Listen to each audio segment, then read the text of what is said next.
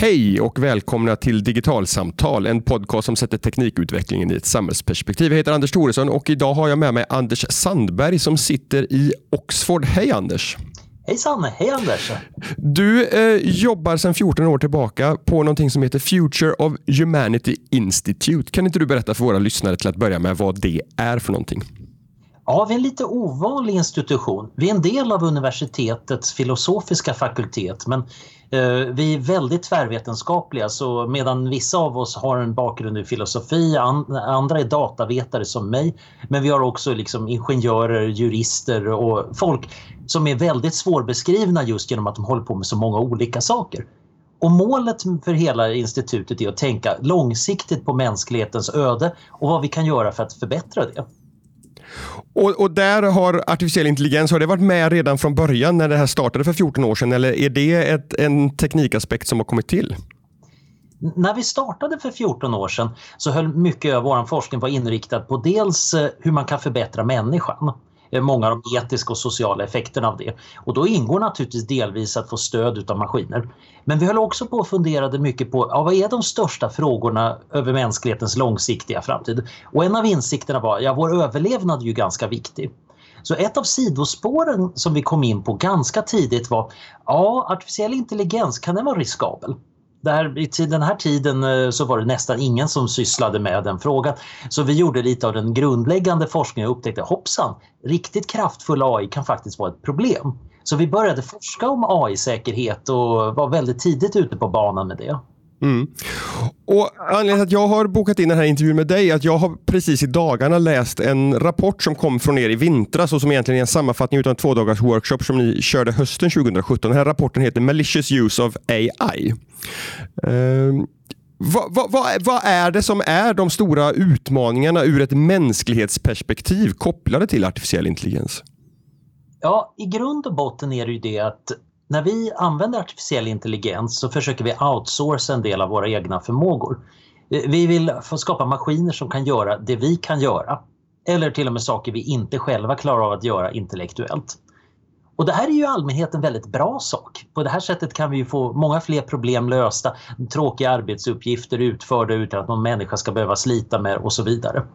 Problemet är förstås det att det går att dels kan man naturligtvis felprogrammera eller felkonstruera maskinerna så att de hittar på saker på eget bevåg av så att säga misstag på grund av buggar eller felinlärning som eh, är skadliga. Eller att personer med mer eller mindre olämpliga idéer eh, använder dem för att eh, göra skada på resten av världen. Mm. Så, så det, det, är dels det här som man pratar om när man kanske råkar bygga in eh, mänsklig bias i ett system och tror att det här kommer fatta eh, objektiva beslut men så är träningsdatan felaktig. Det är den ena typen av fel som du pratar om här. Men det andra är där onda krafter vill utnyttja AI, AIs möjligheter för att, för att skapa problem för, för medmänniskorna. Ja, eh, och det jobbigaste är naturligtvis att många av de onda krafterna anser sig själva ha totalt rent mjöl i påsen och gör, att det här gör de av goda skäl. Eh, man ska vara medveten om att många av problemen eh, beror ju på att vi inte ens är eniga som människor om vad det är vi vill uppnå. Så om jag driver en valkampanj understödd med maskininlärning så skulle jag kunna säga att det här är en jättefin och demokratisk process medan du skulle säga du håller på med automatisk propaganda Anders. Mm. Så, så, så att det, det, det, kommer in på, på det här att de, de utmaningarna som, som vi ser kring artificiell intelligens, de är inte i huvudsak kanske tekniska då, utan de handlar snarare om hur vi som mänsklighet ska förhålla oss till teknikens möjligheter och, och eventuella problem. Delvis. Eh, Eh, det, man ska inte missa att det finns väldigt många rent tekniska sidor utav det här. Eh, många utav de här formerna av felinlärning och vinkling kan man se som en rent teknisk fråga. Men sen är det ofta att det beror på att vi inte specificerat uppgiften vi vill få utgjord särskilt väl. Så det, där hamnar det mer på vår eh, halva utav eh, spelplanen. Och väldigt mycket av de djupaste problemen är förstås hur passar vi in sån här teknik i våra samhällen? I grund och botten är ju att artificiell intelligens styrka är att den kan förstärka nästan allting som vi människor håller på med. För det mesta vad vi människor håller på med är ju drivet av vår intellektuella förmåga. Och där handlar det ju väldigt mycket om att tänka igenom vad målsättningarna bör vara och vad vi vill sätta upp för spelregler. I synnerhet då spelregler när alla deltagarna kan bara tänka mycket smart, hitta eh, listiga sätt att ta sig runt olika spelregler och dessutom i en del fall kan vara automatiska. Okej. Okay. Kan, kan, kan, du utveckla, vad, vad, när du säger spelregler här, vad, vad är det du syftar på då? Eh, om vi om vi tänker bara ett vanligt dataspel naturligtvis, vilket är en trevlig uppgift som många AI-forskare håller på att experimentera med. Där finns ju så att säga ett regelsystem i spelet. Och naturligtvis vill man ju då att man kan inte göra handlingar som bryter mot de reglerna. Men det finns ganska ofta listiga sätt att skaffa sig extra poäng ändå, vilket många av de här AI-programmen har demonstrerat eh, de är ganska bra på att hitta sätt att eh, få bra poäng även om de inte spelar som vi tycker de borde göra. Och det är ju okej okay naturligtvis för ett dataspel. Det gör ju ingen större skala. Men om vi nu tänker oss att du har till exempel en automatisk bil som kör. Nu har du ett sätt, en spelregler som består av trafikförordningar. Och det finns säkert sätt att köra som inte bryter mot några som helst trafikregler men som är både farliga eller omoraliska eller bara så förvånande att de skulle vara riskabla i trafiken på en riktigt stor skala har vi naturligtvis idén om spelregler i samhället. Vi har en idé om vad politik och demokrati handlar om. Den är inte alltid så väldefinierad och det är ständigt eh, i förändring. Vi har en idé om vad som är god affärsetik. Vi har en idé om eh, vad, vilken sorts krigföring som är tillåten och inte. Och här finns det ju då problemet att dels kan maskiner automatiskt eller med lite mänsklighet hitta kryphål. Och dels naturligtvis när vi får maskiner så kommer vi också få en tendens att ändra på våra regler. Därför att när vi får nya möjligheter så, så kommer vi börja töja lite i, i dem för att kunna utnyttja teknikens nya, nya potential. Oh ja. Eh, det är värt att notera att en av de första versionerna av Genèvekonventionen om krigföring förbjöd användning av vapen som man släppte från flygfordon totalt förbud. Det var mot eh, krigets regler. Men det, var, det här var skrivet då före sekelskiftet och man tänkte liksom på att släppa bomber från ballonger. Sen uppfann man flygplanen och när första världskriget inträffade så ignorerade alla den här regeln för flygplanen var så pass kraftfulla att man bestämde sig att flygkrigföring skulle vara okej. Okay. Vi har samma problem naturligtvis när det gäller AI. Eh, blir det riktigt användbart med någon sorts militär robot så kommer förmodligen många att hålla på med det. Därför att man, man, man, ser att, att den, den, faktiska nyttan trumfar de överenskommelser som man har kommit fram till vid ett, vid ett konferensbord någon gång för länge sedan. Ja, eh, och grundproblemet här, faktisk nytta är alltid avhängig många olika faktorer. Eh, det skulle vara fullt genomförbart för många eh, länder att använda fruktansvärt mycket mer dödliga vapen eller skada folk på större skada. Men den allmänna opinionen skulle också gå emot Så att även om det vore praktiskt eh, i vissa avseenden så måste de ändå betänka andra faktorer. Men vi ser till exempel nu då det här med autonoma vapen att det är väldigt många som är väldigt intresserade av att utveckla det och försöka att förbjuda det det ser inte särskilt troligt att det kommer lyckas. Däremot kan man eh, övertyga de flesta om att vi borde väl åtminstone ha en regel om att de där autonoma vapnen ni använder så ni måste ha kontroll över dem. De kommer inte kunna agera på egen hand. De ska åtminstone så att säga, göra det ni är ute efter istället för att hitta på saker på egen hand.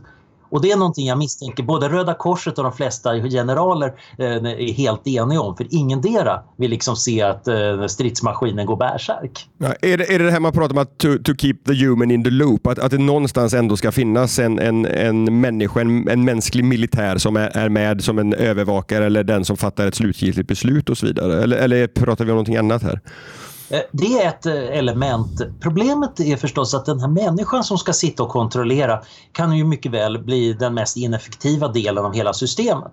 Om beslut kan fattas på millisekunder och farkoster som rör sig väldigt fort och så sitter en människa framför en dator någonstans och ska trycka på en eh, röd knapp om det är okej okay eller inte okej okay att göra vissa saker. Då kommer det saktas ner väldigt mycket. Så mycket handlar om vad är det för sorts kontroll som är meningsfull kontroll. För många detaljer bryr vi oss inte om. Exakt hur ett autonomt flygplan eller en drönare gör för att flyga ska normalt inte spela någon roll. Vi vill snarast att den ska veta vem den får och inte får attackera. Och att definiera det här meningsfull kontroll, det är väldigt subtilt och lurigt. Eh, I synnerhet som naturligtvis människan kan mycket placeras under en massa press så att eh, de mest bara sitter och godkänner saker. Eh, och det här är ju en viktig fråga just för inte bara militären utan kan också tänka dig då till exempel på agenter som handlar på börsen åt ett företag.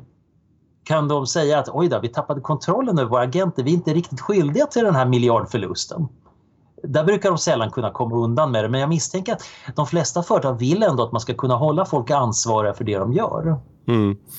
Eh, jag, jag, tänker att en utmaning här är ju att den typen av diskussioner som du och jag har i vårt samtal nu, det, det är en, en, en, typ av resonemang och, och, som är ganska tidskrävande. Ju, ju, fler dessutom som är, som är med och ska tycka och tänka kring de här frågorna, ju, ju fler eh, liksom olika aspekter som ska vara med, desto längre tid tar ett sånt här resonemang att föra. Samtidigt som teknikutvecklingen går så rasande fort just nu. Hur jämkar man ihop de här två olika tidshorisonterna som, som de här två olika utvecklingstrenderna verkar efter just nu? Ja, det beror lite på vad det är för teknik. Just när det gäller vad som är okej okay och inte okej okay i krigföring så är det visserligen en snabb utveckling av autonoma vapen eh, men den är inte så blixtrande snabb att man inte kan förhandla i FN om det. Eh, däremot så misstänker jag att FN-förhandlingar är lite för långsamma men de kan skapa ett konsensus om vad man anser vara okej okay och inte okej okay på slagfältet. Det är ju mer lurigt till exempel eh, vad är okej och inte okej i sociala medier. Eh, det var ju liksom för inte så länge sedan som Cambridge Analytica var ett företag med gott anseende och ett bland många och det var inte så många som egentligen tänkte och brydde sig om att, vad de använde data från Facebook till. Sen skedde lite grann ett uppvaknande man insåg att nej det här är nog inte okej. Okay. Men världen av sociala media och social manipulation rör sig väldigt mycket snabbare. Och vi har ju inga lagar till exempel som klarar av att hänga med där. Om vi skulle försöka sätta upp en lag eh, i Sverige om vad man får och inte får göra på Facebook. Men när den väl är klubbad, även om den går igenom riksdagen väldigt snabbt, så är förmodligen Facebooks interface helt annorlunda.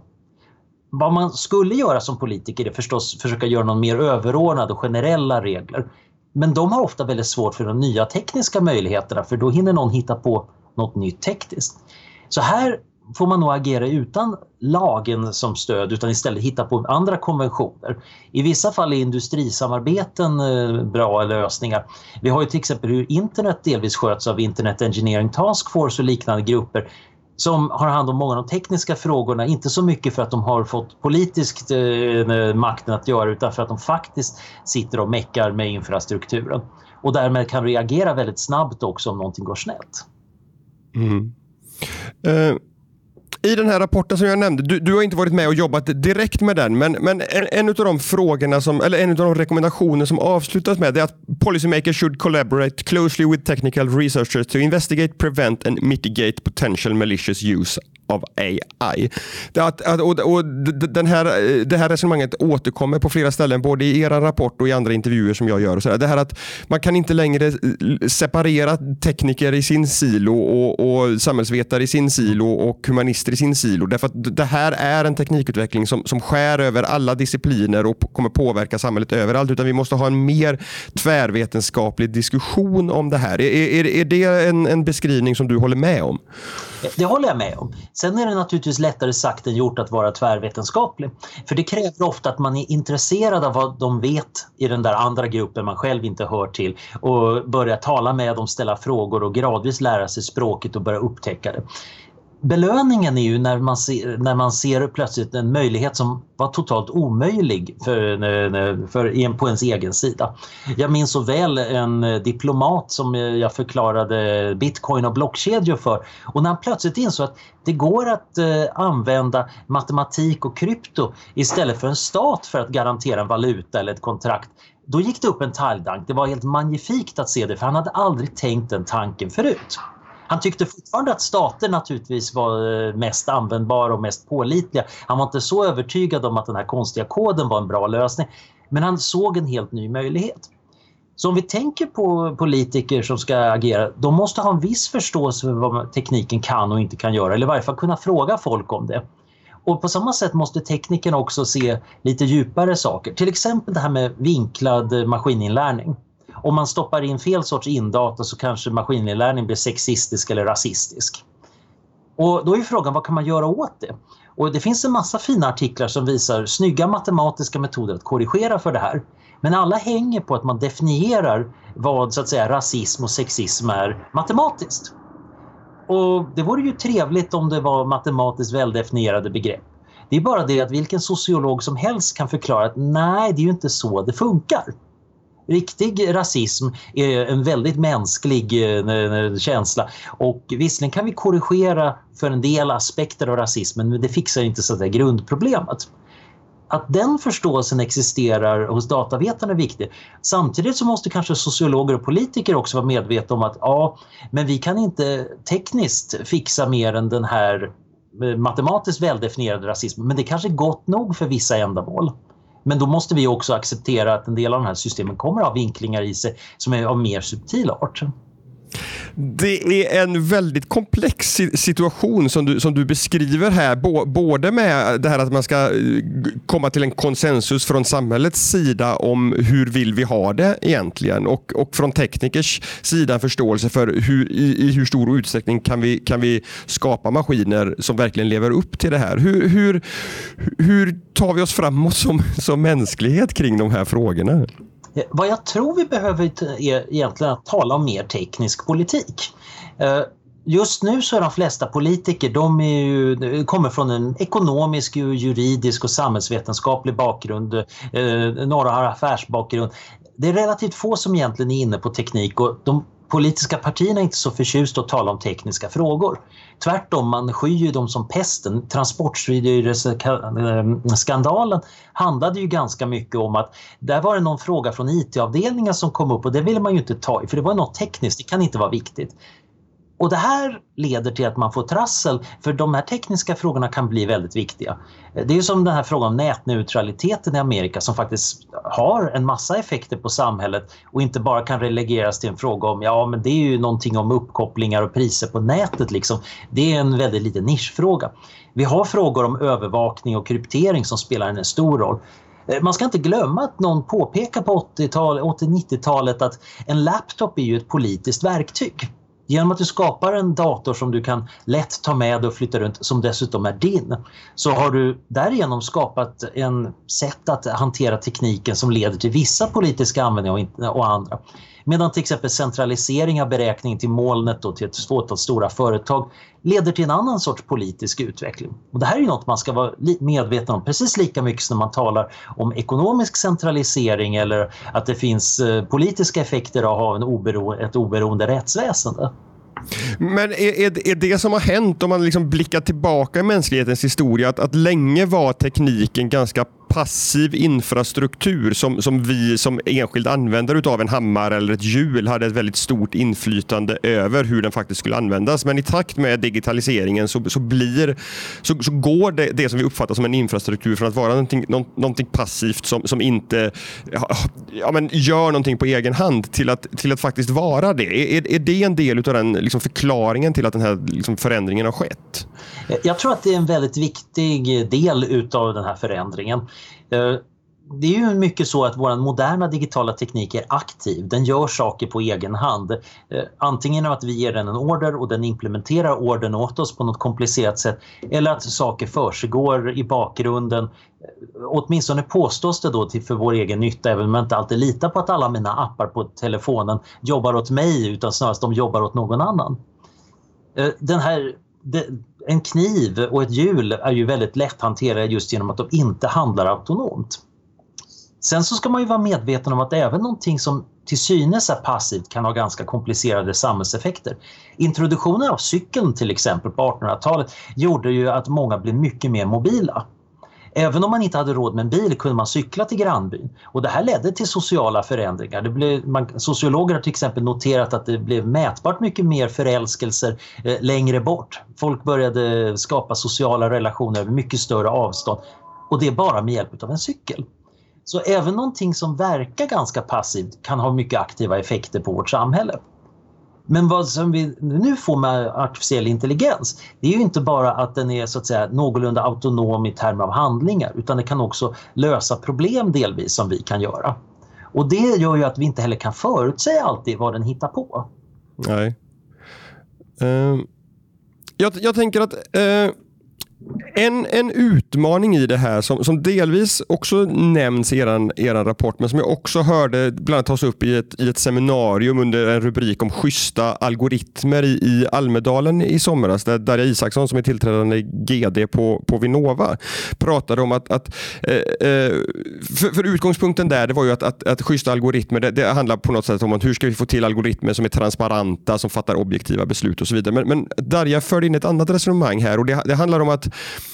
att se till att tekniken faktiskt används, att det finns en schyssthet i det också. Därför att vi kommer behöva AI för att lösa många av mänsklighetens stora utmaningar med klimatförändringar, med, med transporter och med, med hälsa och, och, och, så vidare. Och att Det finns en risk som, som står i rapporten från er om att, att, att eh, politiker som inte kan och förstår det här, lagstiftare som inte kan och förstår det här, kanske kommer stifta för restriktiva lagar som faktiskt bromsar en utveckling som vi som mänsklighet behöver. Hur, hur ser du på den frågan?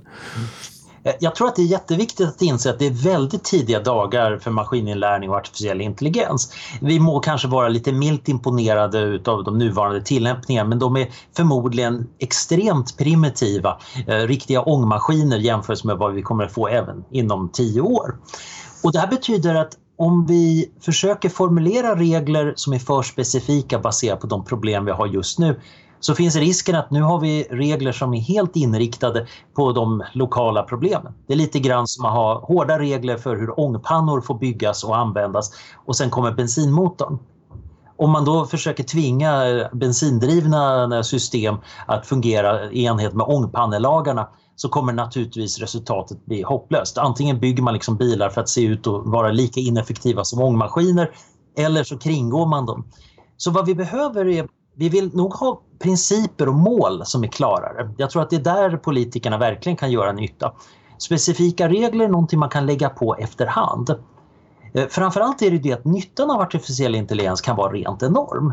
Trots allt, skälet att vi människor trots att är så talrika som art och spridda över hela planeten och faktiskt har så pass bra liv som vi har, är ju att vi har ganska bra hjärnor. Och vi är väldigt bra på att samarbeta.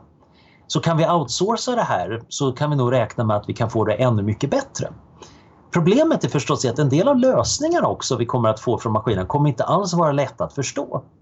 Det finns ju en diskussion om att vi har en rätt till förklaringar. Om en maskin fattar ett beslut som påverkar mm. våra liv så ska vi få, kunna få ut en förklaring. Delvis inskrivet i, GD, i, i GDPR. Ja, och det är väldigt oklart hur det där ska i praktiken användas för åtminstone vissa sorters system som eh, djupa neuronnät kan inte själva ge en förklaring. Eh, du kan analysera deras eh, resultat men det ärliga svaret är att ja, det beror på de här miljonen variabler som är kopplade på de här sätt. Så man skulle kunna säga att du har en förklaring utskriven så är det liksom ett halvt bibliotek av papper med obegripliga siffror. Men det är ju inte vad vi menar med en äkta förklaring.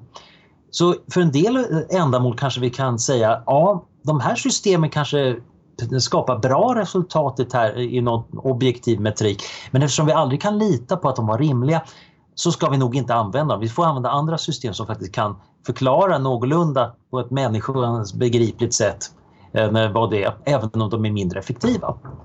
Och det där beror ju lite grann på tillämpningen. Det är ju en sak om du ska ha ett styrsystem för en bil hur den svänger under ett hinder. Där kanske vi faktiskt tycker att det är viktigt att den är bra på det. Men när bilen väljer hur den kör i vägen eller vem den väljer att eh, köra i riktning mot i en trafikolycka så vill vi kanske få i klartext hur den resonerade. Mm. Att, att i det ena fallet så, så, så, räcker det att se att utfallet är gott. Den här bilmodellen är, är med i färre trafikolyckor än vad andra är. Då spelar det inte så stor roll hur den gör för att undvika trafikolyckorna. Vi, vi nöjer oss med resultatet. Men i andra fall så är det faktiskt resonemanget bakom beslutet som vi faktiskt är intresserade av. Mm. Och Mycket handlar ju också om hur man litar på systemet. Om vi tänker oss till exempel ett medicinskt AI-program som försöker bestämma eh, vad man ska göra med en patient då är det ganska viktigt, eh, åtminstone i början, att vara säker på att den inte fattar riktigt felaktiga beslut. Jag hörde om ett intressant fall där man hade stoppat in patientdata eh, för att avgöra om man borde ta in folk till sjukhus för lunginflammation. Och programmet eh, kom fram till att personer med astma, de behöver vi inte ta in till sjukhuset för det, det ser ganska bra ut om man har astma. Och det här är helt fel. Vilken läkare som helst kan säga nej, nej, nej. En astmasjuk med lunginflammation måste till sjukhuset. Men eftersom da, träningsdatat innehöll astmasjuka som man naturligtvis tog till sjukhuset och då blev de botade för då är det ganska hanterbart. Trodde naturligtvis AI-programmet att ja, men astma är inte så farligt. I det här fallet, eftersom man då granskade det medicinskt, så var det uppenbart för läkarna att det här måste vi stoppa in en extra regel. Här blev inlärningen helt fel. Och för många viktiga frågor så vill vi nog göra det här till en stor del. Men när vi väl har fått något som är pålitligt, ja då kan vi mycket väl gå över till att säga ja nu vet vi att det här är eh, relativt säkert. Vi har kört i liksom 20 år med noggrann övervakning och eh, det som krävs för att det ska gå helt snett är väldigt extremt.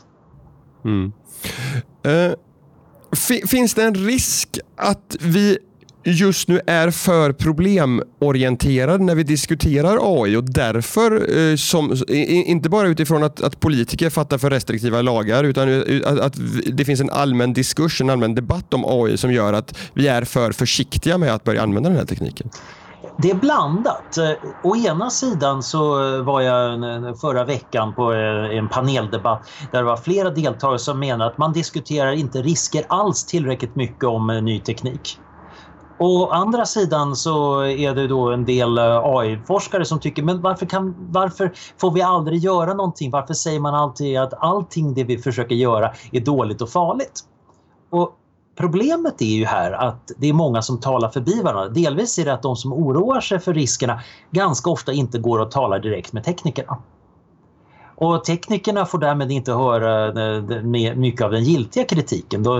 Och på samma sätt så är det naturligtvis att många av de som är kritiska de umgås inte så mycket med de som håller på för att försöka lösa riktiga problem. Så jag tror att det är väldigt viktigt att eh, få den här kopplingen på tvärs. Det här är ju lite som problemet med att göra eh, vanlig säkerhet. Den här rapporten om malicious AI överlappar ju ganska mycket med säkerhetsteknikfrågor. Och det är ganska vanligt att eh, ingenjörer glatt bygger ett system och säger ja, på slutet lägger vi på säkerhet så att det inte ska kunna hackas och så vidare. Och det där slutar aldrig bra för du kan inte lägga på säkerhet som någon sorts fernissa på slutet. Den måste liksom finnas med från början för att man ska uppnå bra säkerhet. Vilket är vad alla säkerhetsingenjörer vet om men de kanske inte blir inbjudna på startup-träffen eh, när de börjar bygga systemet. Och på samma sätt så är det att när vi ska bygga våra AI-system, ja, ta hänsyn till säkerhet, ta hänsyn till en del av de här mänskliga och sociala frågorna. Det behöver man bygga in lite från början, vilket är jobbigt. Men å andra sidan att försöka lägga på det efteråt kan vara extremt svårt. Om vi hade försökt designa, låt oss säga Facebook från start med vissa element utav säkerhet och privatlivsskydd från början. Det hade varit jobbigt och det kanske inte hade blivit en lika lyckad eh, startup men det hade förmodligen skapat ett otroligt mycket bättre system. Mm. Eh, I, I vilka forum hör de här diskussionerna som vi har hemma tycker du? I, i, i vilka församlingar, i vilka eh, debattformer ska, ska, ska de här frågorna dryftas? Jag tror vi behöver dryfta dem i många olika former så att det går lätt att överlappa mellan du, du vill ha tekniker som funderar lite grann med sina etikfrågor och sen kan gå och tala med etikerna som har talat lite om teknikfrågor som har någonting att utbyta vi behöver politiker som är medvetna om att AI är en viktig sak och det är inte bara någonting du kan lämna över liksom till teknikerna och hoppas att de leder till mer ekonomisk tillväxt. Eh, de intellektuella forumen där filosoferna sitter och citerar eh, lagom obskyra tänkare behöver kanske ibland ha med en tekniker som ställer de jobbiga frågorna eh, om ja, men den där moralsystemet, även om det är sanna, kan det, aldrig, det kan aldrig implementeras av en maskin. Hur ska vi då kunna få våra maskiner att följa den sanna moralen? Så att vad jag efterlyser är just väldigt mycket mer nyfikenhet på de andra disciplinerna. Det är alldeles för många människor som verkar tro att ja, men vi vet vad vi gör och så finns det de där stollarna där utanför. De håller på med någonting annat men det är nog inte viktigt. Och ibland har de rätt. Det finns ganska många bitar av den akademiska världen jag nog tror inte spelar så stor roll. Det finns delar av politik och teknik som är relativt irrelevanta. Men det kan man inte veta innan man går och tittar efter. Man måste eh, faktiskt prova eh, sig fram. Och jag tror vi behöver fostra mycket mer nyfikenhet på det här. Det är ju där också folk med tvärkompetens är så viktiga. Någon som vet om att ja, men det där kan jag kolla upp i sociologiläroboken jag hade för några år sedan. De är väldigt användbara på datafirman. Mm. Uh, om, man, om man tittar på det här utifrån ett kompetensperspektiv. Vem behöver lära sig vad eh, framöver för att, för att vi som, som mänsklighet ska kunna hantera de här frågorna? Vad, vad, vad är det för kompetensförhöjning som behövs? Eh, jag tror att eh, Eh, inom datatekniken så tror jag att eh, på de tekniska sidorna är det väldigt nyttigt att lära sig lite mer om eh, samhällsvetenskaperna. Lite psykologi, lite sociologi, lite juridik. Inte nödvändigtvis att man kan vara expert på det men tillräckligt mycket för att veta ungefär hur ens område blandar sig med resten av samhället. Man ska inte tro att bara för att en kod man skriver utförs av en maskin att därmed så finns det ingen mänskligt element utav det. På samma sätt så behöver då sociologerna börja intressera sig ganska mycket för inte bara vad människorna har för sig och deras institutioner utan också hur deras institutioner delvis är tekniska. Fler och fler beslut fattas ju egentligen idag med maskinstöd. Myndigheter håller på att mejla runt akter, eh, man har olika rutiner som blir mer och mer tekniska och algoritmer kommer att blanda sig i den här processen mer och mer. Och där tror jag att det är väldigt viktigt att de som förstår institutioner och människor också lägger sig i och tittar på de här processerna och börjar försöka förstå vad som händer där. Samma sak att politikerna nog behöver intressera sig lite grann för det här och också fundera lite mer på hur vill vi att samhället ska se ut en bra bit framöver. Kortsiktigheten i politiken tror jag är en jätteallvarlig källa till problem just nu just genom att man tänker att ja, men AI det kanske ökar eller minskar arbetslösheten och kanske har någon effekt på ekonomisk tillväxt. Ja, det är det givna tekniska administrativa ramarna men den riktigt viktiga frågan, ja, men vad är det för sorts samhälle vi vill ha i framtiden? Hur vill vi egentligen utveckla det? Och där behövs mer visioner. Det är ju någonting som väljarna också skriker efter. Men politikerna känner att nej, men vi måste göra saker inom ett väldigt givet system.